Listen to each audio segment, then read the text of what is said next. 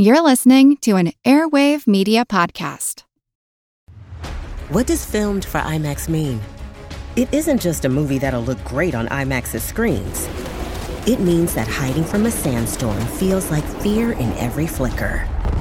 And every triumph is felt in every sound wave. And the things we've only imagined, you can truly experience those too. That's what filmed for IMAX means. Get tickets to experience Dune Part 2 now and IMAX's exclusive expanded aspect ratio. It's only a kick, a jump, a block. It's only a serve. It's only a tackle, a run. It's only for the fans. After all, it's only pressure. You got this. Adidas.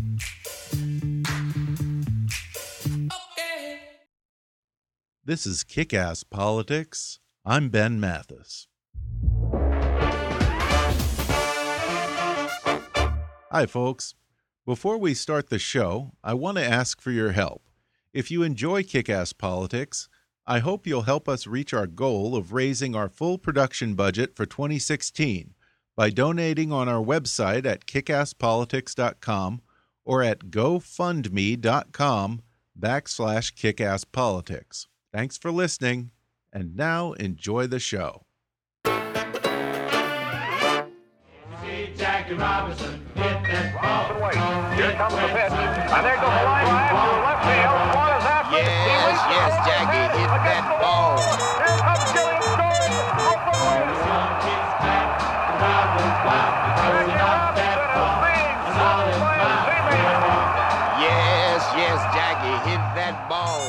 In case you can't tell from that newsreel clip, Jackie Robinson made the game of baseball a hell of a lot more interesting. When Jack Roosevelt Robinson stepped on the field, he brought with him a more exciting, aggressive style of baseball that forever changed how the game was played. It marked the end of the old long ball era in baseball, introducing base stealing to the major leagues and making speed just as important as raw hitting power. But there's so much more to the story of the athlete who came from humble beginnings to cross baseball's long standing color line and become one of the most beloved men in America. His story is chronicled in a new two part documentary that airs tonight on PBS from my guest today, renowned documentary filmmaker Ken Burns.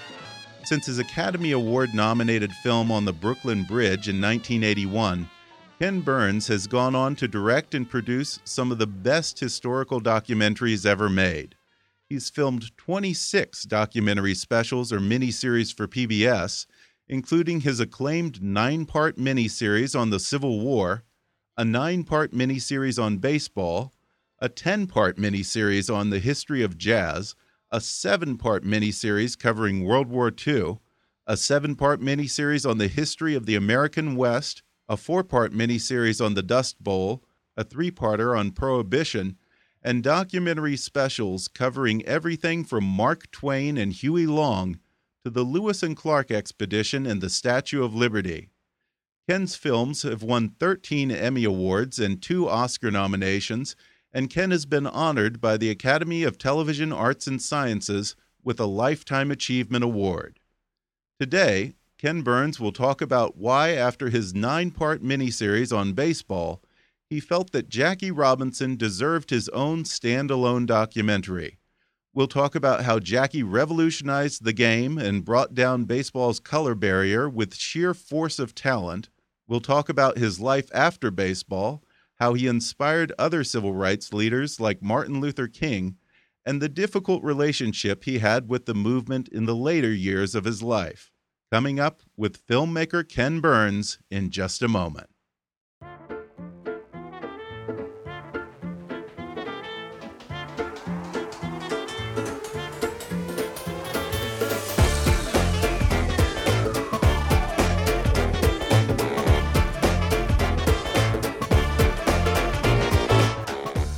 From Hollywood to Washington, it's time for Kick Ass Politics. And now here's your host, Ben Mathis. Today I'm joined by filmmaker Ken Burns. Ken, thanks for talking to me. Thank you, Ben. and Thanks for having me. Well, first off, I'm curious do you consider yourself a documentary historian or a historical filmmaker, or what would be the proper intro? I just like filmmaker. I, am in the business of telling stories, and I think because uh, mo- all of my stories have been in American history, there's a presumption that I'm a historian. I'm not a trained historian.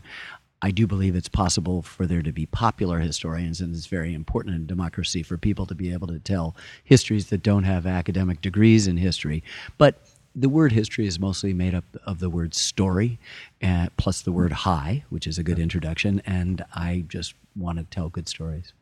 Well, one of those stories is you have a new two part film debuting on PBS April 11th on the life of baseball player Jackie Robinson. Um, in 1994, you did a very thorough nine part miniseries on the history of baseball. You gave a good deal of attention to Jackie Robinson in that series. So, what were the parts of his story that didn't make it into that documentary or that you felt warranted deeper examination? Well, we did. Jackie was the kind of moral and emotional heart and core of those entire 18 and a half hour, nine episode, nine inning of that original baseball series. And uh, I think he made an appearance in just about every uh, one of the episodes and was hugely important. But several years after that 1994 broadcast, his widow, Rachel, came to me and said, There should be a standalone film on him. And I said, Of course, you're right. And she was hoping to get a feature project going, which he actually finally was able to do with the 42 movie that came out a couple years ago. And she just really kept pestering me in the best sense of the word uh, to do a film on it. And I began to realize how helpful it would be uh, to have a standalone portrait. He is one of the most important human beings in the history of the United States. He is the beginning of progress in civil rights after the Civil War, unfortunately delayed, you know, uh, 85 years. Um, he's an extraordinary human being, a great hero, and that I realized that part of the problem was that that hero had become so smothered in myth that he had sort of been reduced to a kind of sanitized Madison Avenue version of who he actually was. And the more complex, deeper, nuanced uh, portrait of him that wasn't just the slice of his 42, his, his 1947 debut, but, but his whole life, which we tried to do. Uh, I- integrating in our series would be much much better and uh, finally i was able to see some daylight in my own pretty busy schedule of working on multiple projects at once. Uh, i had finished uh, making a film with my daughter sarah burns and uh, her husband, the uh, filmmaker David McMahon, and the three of us decided to co direct and co produce this film. And Sarah and Dave wrote it on Jackie Robinson. And what it does is it strips away a lot of that mythology. His, his story has become encrusted with the barnacles of sentimentality and nostalgia. And um, a lot of the stuff isn't true. It's just sort of the mythology that's grown up around him. And we wanted to clear that away and dive deeper into the life and the complications of that life and spend a lot of time, dedicate a lot of time to what he did after uh, baseball, which is very little known and uh, but very much a part of continuing this extraordinary life where he got ever up every day trying to make the lives of other people better. Now, a lot of people talk the talk, but he walked the walk, and that's the film we wanted to make.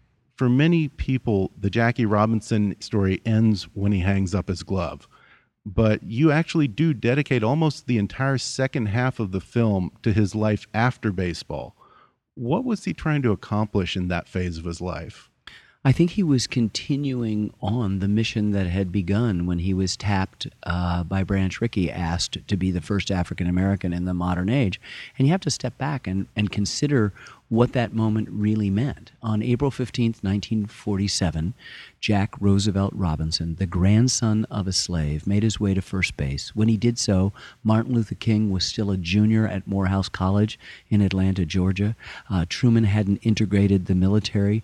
Uh, there was no um, Brown versus Board of Education decision by the Supreme Court ending uh, segregation in schools. There weren't uh, calculated lunch counter uh, sit ins. Uh, Rosa Parks was still almost a decade away from refusing to give up her seat on a Montgomery uh, bus. We we were at the beginning of the modern civil rights leader. Martin Luther King himself said later, uh, Jackie Robinson was a sit-inner before sit-ins, a freedom rider before freedom riders. So he was the civil rights movement, and he understood it, and he carried an extraordinary load. And remember, for the three years in professional baseball, he had to turn the other cheek to every slight threat and abuse that he would face. It was a terrible, terrible burden that would eventually kill him very young. But at that moment, he said in a in a very soft-spoken way, maybe I'm doing something for my race. Yeah, right. And he would go on to do that. So when baseball was over, when he had reached the end of his ability to play at the level he wanted to, and, and he retired, and it was on the eve of the Dodgers abandoning Brooklyn and heading to Los Angeles, he continued doing what he had always done speaking out against discrimination, speaking out for increased opportunity for African Americans, speaking out in general about the themes that have animated American history. And that's what he did. And he did it in very unusual ways, which I think the viewers will find surprising and interesting and fascinating. But you can't but help stand in awe of this man who dedicated every single minute of his life to helping others.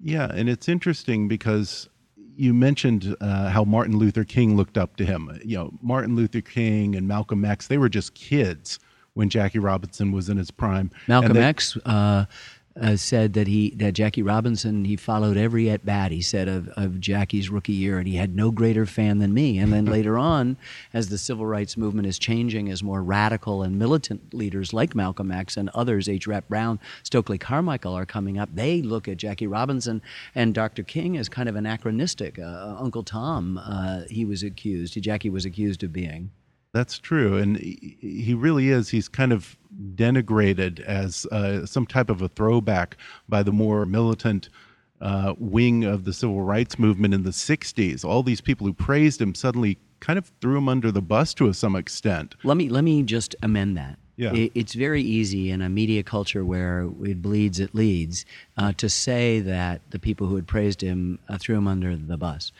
there was a minority of African Americans who grew understandably frustrated with the pace of integration and began to think about separation and began to think in a much smaller minority of more militant activities.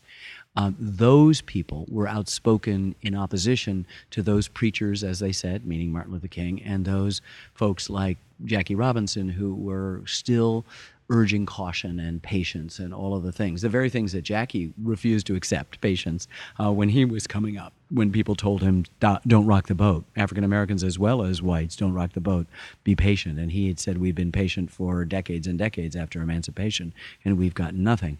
A vast majority of African Americans uh, respected Jackie Robinson, and that never varied. What it shows is that someone who's consistent who in the very beginning of his career is kind of radical to civil rights leaders and other African American entertainers who, uh, you know, are a little bit anxious not to get too close to Jackie because he's radical. By the end, there he's being called by some and Uncle Tom, but it's only by some. And I think the film sort of puts in perspective that he still gets up every day. He puts on his pants one leg at a time and goes forward to help other people. And that's not always the case with some of the more vocal, more militant, more violence advocating uh, leaders. There's a good deal of, of self regard and, and public relations involved, as well as some very sincere. I mean, in, you know, the, the, Declaration of Independence suggests that when things become too tyrannous, that we're obligated to throw off that tyranny. Um, and that's part of an American tradition. It's just um, most Americans don't like to hear it coming from African Americans. Yeah, and when I watched the film, I wondered do you think that that rebuke and the belittling of him as an Uncle Tom hurt him perhaps even as much as the insults that he got from the white crowds in the stands when he was playing? That's a really wonderful question. And uh, in a way, now with him gone for so many decades, it's impossible to know. Uh, yeah. Rachel does admit that those racial, racial slights uh, take, took an enormous toll on him. And uh, I think contributed, obviously, uh, to his early death. Looking, I mean, he, I'm 62. He was 53. He looked old, white-haired, and stooped, and you know, uh, that's what he carried. I've got to assume that some of that happened. It was very frustrating. You can see it written on his faces when he was sometimes confronted as a representative of Governor Nelson Rockefeller when he was touring the state of New York, trying to calm uh, a lot of racial unrest due to police brutality, due to decades and centuries of, of being ignored.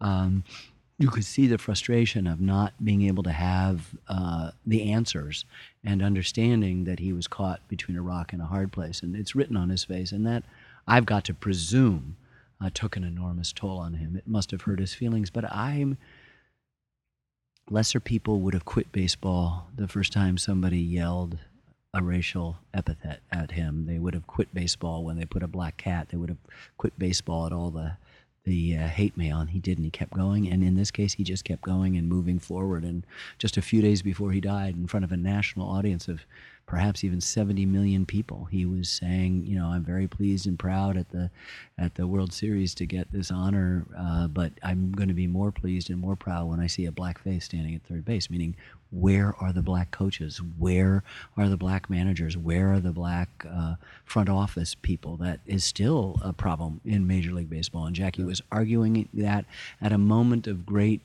Um, honor for him when he could have just sort of soaked it up. He still was moving forward. He still had things to do. Yeah, and you mentioned the owners and managers. One of the people that came up earlier in the conversation is uh, sort of an unlikely hero to Jackie Robinson's story. It's Branch Rickey, who was the owner of the Brooklyn Dodgers.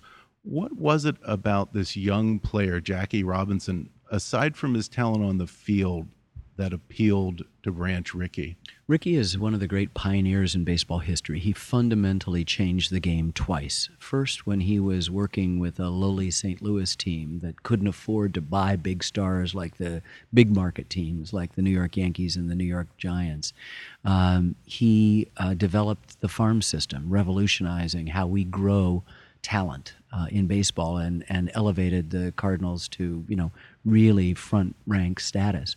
He then moved to Brooklyn as its president and general manager and had fiercely religious man had had had earlier in his life uh, uh, an encounter with overt racism when he was a young coach and he had a black catcher. And he never forgot the pain on that catcher's face when an Indiana northern clerk wouldn't let this guy register at a motel or a hotel. And um, he vowed to change that he had planned to bring up lots of different black players. We always posit this as uh, Jackie, as Branch Rickey, as God, you know, reaching down with his finger and anointing uh, Jackie as the Christ-like figure who will turn the other cheek. But he was planning to bring up other black players, and there were other black players that were, um, you know, much uh, uh better known and probably more talented than Jackie. And other events, outside pressures, uh, the black press, which for decades had been arguing for integration, the left white press had been pushing for this, particularly the Communist Party's uh, were a daily worker. Uh, other politicians had been pressing for this. The liberal, progressive Republican mayor of New York, Fiorello LaGuardia, was doing this. And so Rickey was fearing that the moment that he wanted to control was being taken away from him. And so he reached out to somebody that a black sports writer had told him had had a great uh, batting practice, and that was Jackie Robinson. So Jackie came up first, and he investigated him and knew that Jackie had a hot temper, knew he was fiercely competitive, knew it was going to be really tough to turn the other cheek. But he had a college education. He had a woman that he loved who was extraordinary, Rachel Robinson, and um, that he would be the perfect person for his experiment. And Jackie proved more than able to do it. And and and you know, Jackie stands as one of the you know perhaps ten greatest Americans of all time, and that his moment is the first real progress in civil rights since the Civil War. You cannot. He is the most important person in the history of baseball. He may not be the best baseball player, and I can think of a dozen players who are better than him, but he did get elected for his baseball skills to the Hall of Fame in his first uh, moment of eligibility but it is more the social change that he brought to America by being the first to go through that door and the first to be willing to carry that burden for so long of all yeah. those racial. We cannot possibly underestimate in a game in which equipoise, this, this ability to concentrate and also relax at the same time, which is the hardest thing to do in sports, is hit, you know, um, uh, this baseball coming at you at 100 miles an hour with a piece of tor- turned northern ash. As we know, the greatest basketball player in the universe couldn't hit a buck 80 uh, when he tried uh, baseball. So to be able to do this with the threat that somebody's going to kill your wife or your kid or they're going to kill you is unbelievable. Yeah, it is. And and there's a great moment in the film when Jackie Robinson first sits down with Branch Rickey in his office. Tell, tell us what did Branch Rickey say to Jackie Robinson in that first meeting? So Jackie Robinson was playing with the Kansas City Monarchs of the Negro Leagues, making a kind of inconsistent living. He wanted more.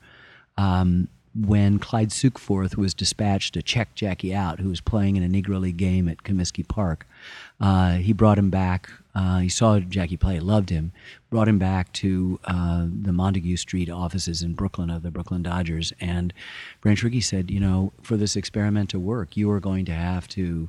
Um, turn your other the other cheek for everything you're going to do and then Rickey went through screaming at him Rickey was a very you know, sort of bombastic guy. They called his office the Cave of the Winds, but he he didn't swear. And his his biggest expletive, according to Red Barber, the Southern broadcaster for the Dodgers, was Judas Priest. So he went through screaming the worst sorts of things at Jackie. And um, you know, can you can you do this without fighting back? And Jackie said he could. And um, Wow. So he was loved- testing him. He was testing him, and it was one. It's one of the great moments, I think, in American history. It's where Branch Rickey could see daylight, where, where more importantly, Jackie Robinson could see daylight. And most important, Jackie was said, Yeah, I'll shoulder this burden because it's going to mean something for other people. Now, it killed him. You know, great, at the heart of the Christian tradition, and we make Jackie into a Christ like figure for turning the other cheek. At the heart of the Christian tradition is sacrifice. And Jackie sacrificed himself for a much bigger cause. And we interviewed in the film uh, President Obama and the First Lady because their path was made possible in part, or at least at first, by the path that Jackie and his great support system, Rachel. Jackie couldn't have made it without Rachel. He couldn't have made it without having um, a refuge to go home to, somebody who had his back, as the president said, who loved him. And that's what this president has had to go through. And so it's been an amazing, there's a wonderful kind of correspondence between the two couples over time. And that's Yeah. what good history is it's a conversation between the past and the present. Because as William Faulkner said, history is not was, but is.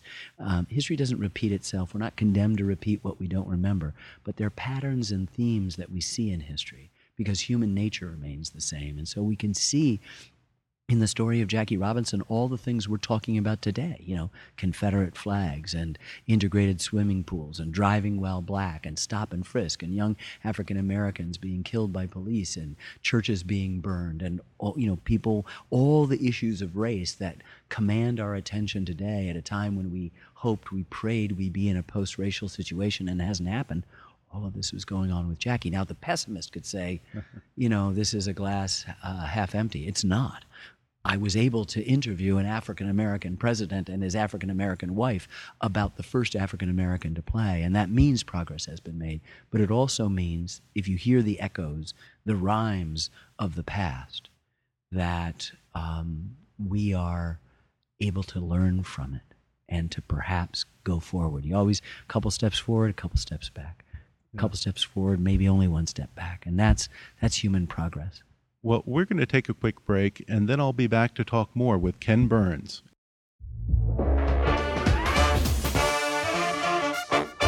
Hey, folks, do you like reading but you don't have the time? Then maybe it's time to start listening to audiobooks. Audiobooks are the perfect thing to listen to on your drive to work or on the treadmill at the gym, or how about while you're cooking dinner or relaxing in the tub? You don't have to carve out an hour or two of your day just to focus all your attention on reading a book anymore, because audiobooks are great just about anywhere. And right now, you can listen to an audiobook for free with a special promotion for our listeners from audible.com. Just go to audibletrial.com backslash kickasspolitics for a free 30-day trial and a free audiobook download which can be any of Audible's 180,000 titles for your iPhone, Android, Kindle, iPad, or MP3 player. That's audibletrial.com backslash kickasspolitics, or click on the sponsor link on our webpage at kickasspolitics.com to download the free audio book of your choice. And now, back to the show. I'm back and I'm talking with Ken Burns, who has a brand new documentary coming out on PBS April 11th on Jackie Robinson.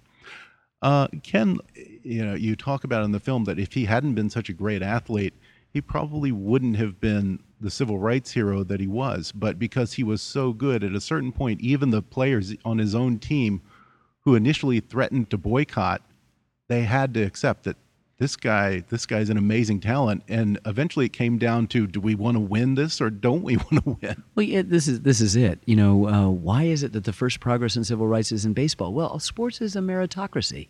You know it, it elevates people who play well. So there were abject races uh, races on the Dodgers, and they didn't want him to play. But even at the end of the first season, when they won the National League pennant, Dixie Walker from Leeds, Alabama, had to admit, and un- not understanding the play on words or the pun that he had uh, done, he said, "Jackie is everything that that Branch Rickey said he would be. He has helped us more than anyone else to bring us up in the race, meaning the pennant race."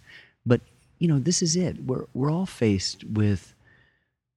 Um, really existential questions. Let's just assume you're a racist Brooklyn Dodger fan. What do you do when Jackie comes up?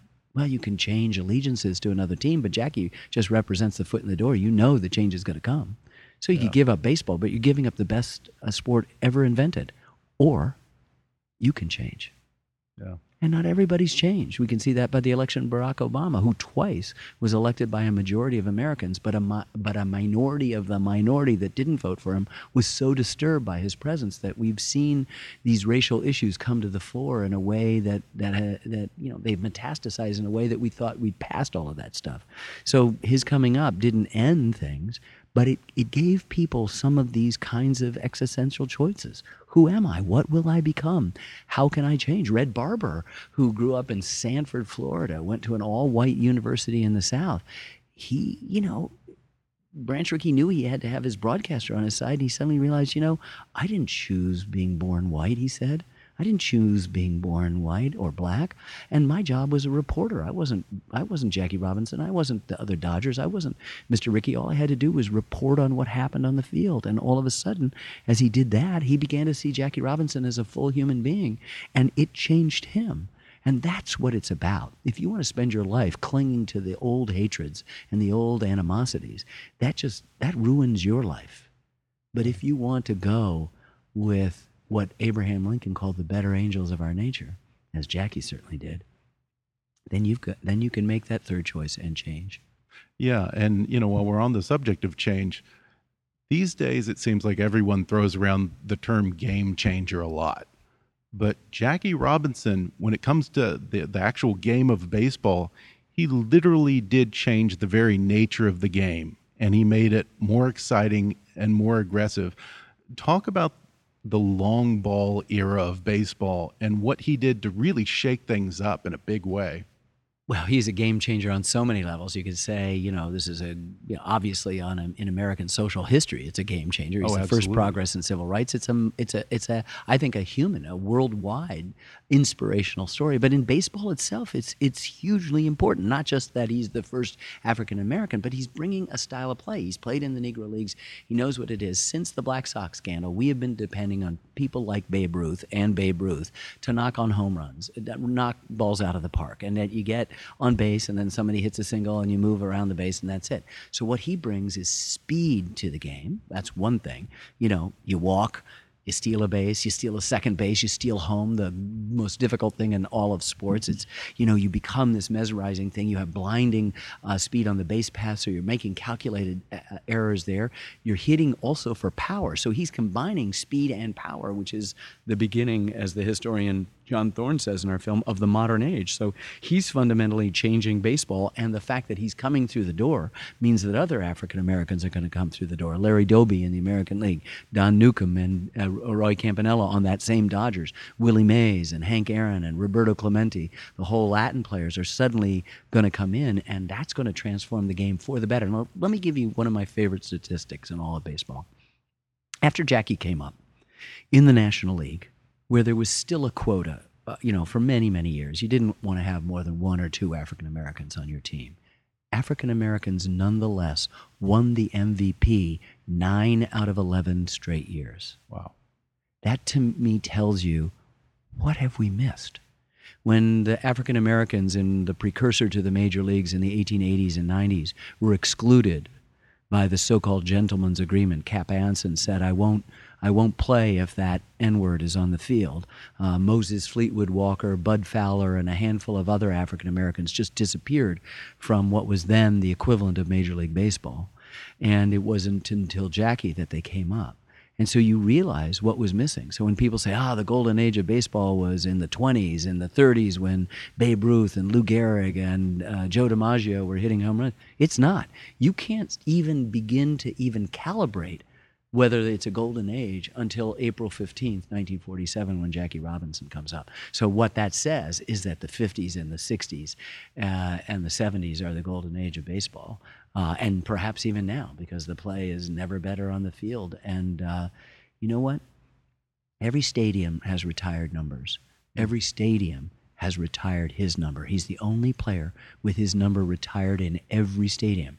He is the only number that cannot be worn by any other player. When Mariano Rivera, the Hall of Fame reliever for the New York Yankees, who had consciously chosen the number 42 to play in because he knew the legacy. He knew that he was there by the grace of Jackie Robinson's sacrifice. When he retired, no one else will ever wear that number 42 except every April 15th, the anniversary of his arrival, every single major leaguer, from the coach to the every player to the reserves, wears the number 42 in one of the greatest gestures of solidarity with the extraordinary sacrifice that Jackie Robinson made.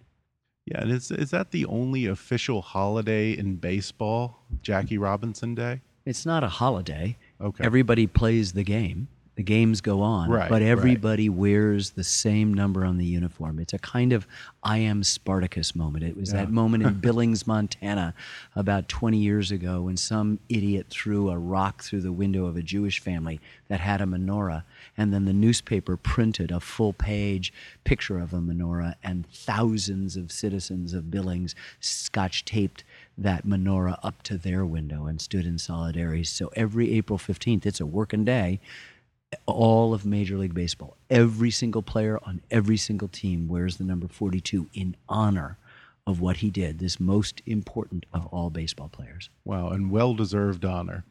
Ken, let's talk about your process.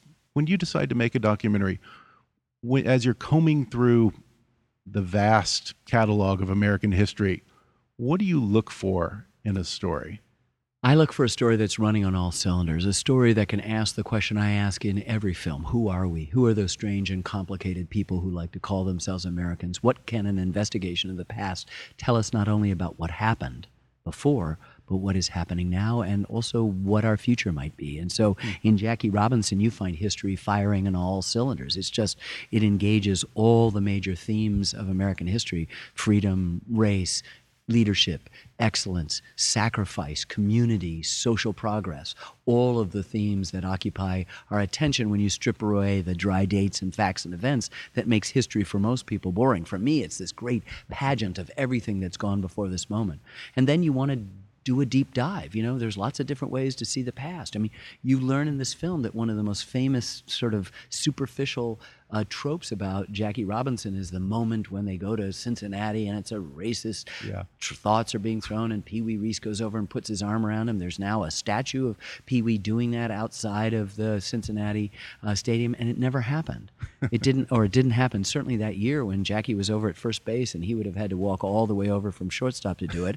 and um, it, it's not mentioned in the white press. It's not mentioned in Jackie's autobiography, and it's certainly not mentioned in the black press, which would have done many, many, many stories about it if it had happened. And what it is is just white people wanting to have some ownership of this story, had to have no pun intended skin in the game, and and and that's I guess understandable, but it's a myth. So wouldn't you really like to know the real story, the complicated story of this, that isn't just superficial, that isn't just oh, isn't he a nice you know, polite Negro, you know, because when Jackie no longer has to turn the other cheek, when after three years, one in the minors with the Montreal Royals and two with the Dodgers, he's a fierce, fierce competitor. And all of a sudden, the people who had supported him, the newspaper men, the teammates, are suddenly calling him uppity. and um, all he's doing is asking for what every American citizen ought to have is an equal opportunity and a level playing field. Yeah. And when you make a documentary like this, what what is the start to finish process for you? Well, each documentary is different. This is a two-part, four-hour film biography. Uh, it's going to be premiere on April 11th, and then the part two is on April 12th. And um, we, you know, for many film production companies, there's sort of a, a delineated research period. Maybe it's three weeks, maybe it's three months, and then there's a delineated writing period from that research, three weeks or three months, and then you produce a document, which is sort of like the tablet that's come down from Mount Sinai, and that's informs edit, uh, shooting and editing. Boom, done. Well, we never stop researching, and oh, we Oh, never really? stop writing. Oh, we Oh, don't want anything to be written in stone. We want to be corrigible. We want to learn new information. We want to say, you know what? That may not actually be true, or this new scholarship has just arrived and that's not quite right. And let's just make sure. So, our editing process, which is attenuated, it takes us longer to do our films, but it also, I think, makes them more durable and more reliable and less biased. I mean, a lot of documentaries are wonderfully about opinion. I, they're advocating for something, and we've got a constitution and we got a bill of rights, and the first one says you can say what you believe. So there's no law that it has to be objective, and no no film is objective, no documentary is objective. But I, I want to be fair. I want to present a history in which I can speak to all of my fellow countrymen and women and just say, here's a story about Jackie Robinson. This is, as far as we can tell, as true as we know, and we don't have our thumb on the scale one way or the other. Do we hate injustice? Yes, I am unapologetic about that. Do we hate discrimination? Yes. Do we want a level playing field and equal opportunity for all Americans? Yes. If that's bias, then I'm sorry, but that's the American creed. And if you don't agree with it and you're American, you've got a lot of studying to do. Yeah, and it's interesting uh, what you said about the research part, how that go- that's an ongoing process. Because for me, one of the things that I've always wondered when you take on a subject as big as a 10 part miniseries on something as huge as jazz or, you know, encompassing all of baseball or the Civil War, I, I imagine myself starting the research process and procrastinating for three months because I wouldn't even know where to begin.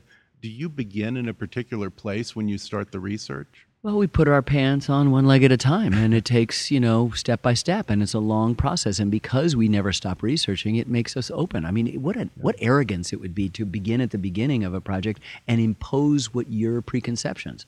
You know, if I tell you what I already know, um, that's homework. And nobody likes that. But if I share with you a process of discovery, that's exciting. Hey, this is what I learned. This is amazing. This is different from from other stuff. Having spent your entire career looking backwards at significant events in, in our past with hindsight 100 years later or 50 years on, I'm curious how do you view current events or say, like the current presidential election today? Do you have a long view of today's news or are you just as shocked by the headlines as the rest of us usually? Well, I think that I'm shocked by sort of the intemperance of this, for example, political campaign. Uh, but that's not new. The election of 1800 was incredibly raucous. If uh, the uh, supporters of, of John Adams said that if you supported Thomas Jefferson, uh, all of these Jacobins, meaning French revolutionaries, would come and rape your daughters and wives, and Yeah. that the Jeffersons people said if you vote for Adams, you're voting for a king. And these two men used to be close friends and would eventually return to being close friends. So it's there. I mean, when you see the anti-immigration stuff, that was there in the Know Nothing parties in the uh, first half of the uh, 1800s, uh, and again in the 20s, and again at other times. Uh, when you hear the racism uh, that is out there, um, that's just overt now, uh, people are sort of shocked at this, but it's been around for all of American history, and unfortunately, so what ha- what happens is that history can give you a perspective. Let me take it out of the current political thing and just take a recent event that every American is aware. When the meltdown happened in 8 hmm. friends of mine would say, "Oh my God, we're in a depression," Huh. and I said, "No, we're not. Yeah. In the depression, in most American cities, the animals in the zoo were shot and the meat distributed to the poor. Wow. When that happens, Jeez. I will That's a depression. I will s- I will admit that that's a depression, but that didn't happen, and so that gives you a you're sort of armed with a kind of perspective, and because as the Bible says, there's nothing new under the sun. That means that human nature remains the same. We're going to keep running into things that seem familiar, that rhyme, as Mark Twain said, that are are, are returns to familiar themes and um, and moments. And so I I think knowing your history makes you extraordinarily prepared for the present and makes you, in a funny way, optimistic about the future. Well, Ken Burns, thank you for everything you've done and so many great documentaries. And also, thank you for the Ken Burns effect. and I have to say, when I sit down to my Mac and I try to use the Ken Burns effect on Final Cut Pro or iPhoto or something, it doesn't look nearly as good as when you do it. Well, you, you, you, can thank my late friend Steve Jobs. It was his idea uh, to do that, and, and they accomplished it. And um, a lot of, I've saved, let's just put it this way I've saved a lot of weddings and vacations and bar mitzvahs uh, and parties, birthday parties with, uh, with that effect. Well, Ken Burns, the documentary is Jackie Robinson, and it's debuting on PBS April 11th and the second part on April 12th. Ken, thanks so much for sitting down to talk with me about this great movie. Thank you so much for having me. Thanks again to Ken Burns for coming on the show. If you liked this episode, you can follow him on Twitter at, at Ken Burns or at kenburns.com and you definitely don't want to miss his two part documentary on Jackie Robinson. It premieres tonight, Monday, April 11th at 9 p.m. Eastern on PBS, with a second part airing on Tuesday, April 12th. Be sure to subscribe to Kickass Politics on iTunes and leave us a review. And if you really want to help out, then donate to our GoFundMe campaign at gofundme.com backslash kickasspolitics or click on the donate button on our website at kickasspolitics.com. Follow us on Twitter at, at KAPolitics or visit Kickass Politics on Facebook. And while you're there, recommend Kickass Politics to your friends on your social media. And as always, I welcome your comments, questions, and suggestions at comments at kickasspolitics.com. In the next episode, I'll talk with Pulitzer Prize winning reporter for the Wall Street Journal, Mei Fong. She's written a new book called One Child The Story of China's Most Radical Experiment. We'll discuss the most audacious attempt in history to socially engineer human behavior as a quick fix to China's overpopulation and poverty problem 30 years ago. We'll also talk about the horrors and unintended consequences of state controlled family planning that have now led to a rapidly growing senior population that will have no one to care for them, the social crisis of a country that now has far too few women, and the decline in the Chinese workforce that may one day soon put an end to China's dominance in manufacturing.